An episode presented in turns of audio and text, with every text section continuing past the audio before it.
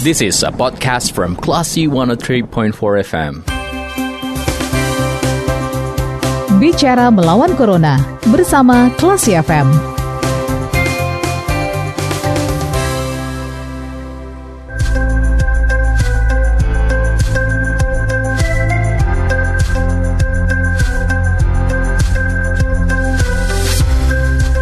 103,4 kelas FM Kelas People kembali di Bicara Melawan Corona masih bersama saya Lia Priyanka.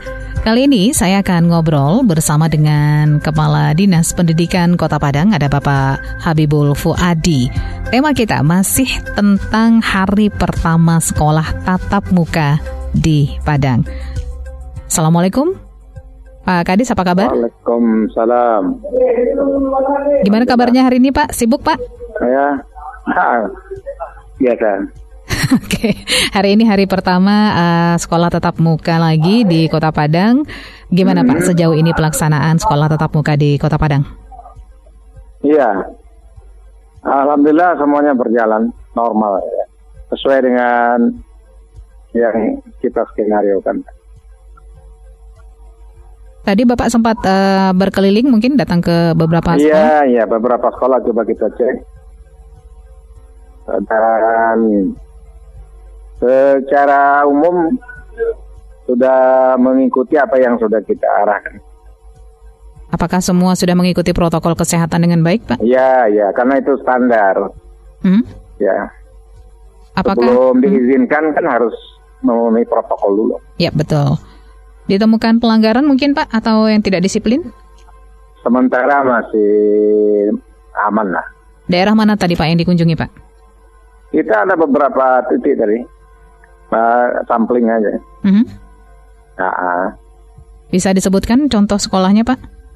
Ya, ada sekitar-sekitar ini kawasan Padang Barat ya. Oke, okay, baik. Iya. Ini kan kita mulai lagi nih sekolah tatap muka, tapi pandemi masih hmm. ada, masih belum hmm. belum selesai gitu ya, Pak ya. Nanti ya. di pelaksanaannya apakah ada tim yang akan memantau uh, pelaksanaan tatap muka di sekolah-sekolah ini? Misalnya mungkin oh, iya. uh, untuk memantau kan prokesnya. Masing-masing sekolah ada satgas. Ya. Di dinas level dinas kota ada satgas, level kota juga ada satgas. Mm -hmm. tugasnya salah satunya memantau itu pelaksanaan protokol COVID di sekolah. Oke. Okay. Nanti keputusan yang bisa diambil dari Satgas ini contohnya apa? Apakah dia bisa ya, menetapkan kita sekolah? evaluasi kalau hmm. belum pas kita arahkan supaya ikuti uh, protokol yang sudah ada. Hmm. Iya. Cuman itu saja ya Pak ya? Ya, karena sekolah ini kan pelayanan, ya kita tidak menghukum orang, ya. menjustis orang. Ya. Oke okay, baik. Iya. Sekolah tetap muka ini ada uji cobanya kah dua bulan ini mungkin atau beberapa bulan ke depan? Ya, pada prinsipnya sebenarnya uji coba ini pola tatap muka ini kan berlaku reguler saja. Artinya ketika sekolah itu sudah dianggap mampu, silakan jalan terus. Mm -hmm.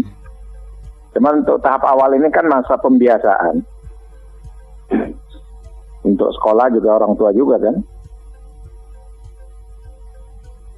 Kalau misalnya nanti angka COVID di Padang kembali meningkat, kira-kira bisa balik ke sekolah daring lagi atau bagaimana Pak?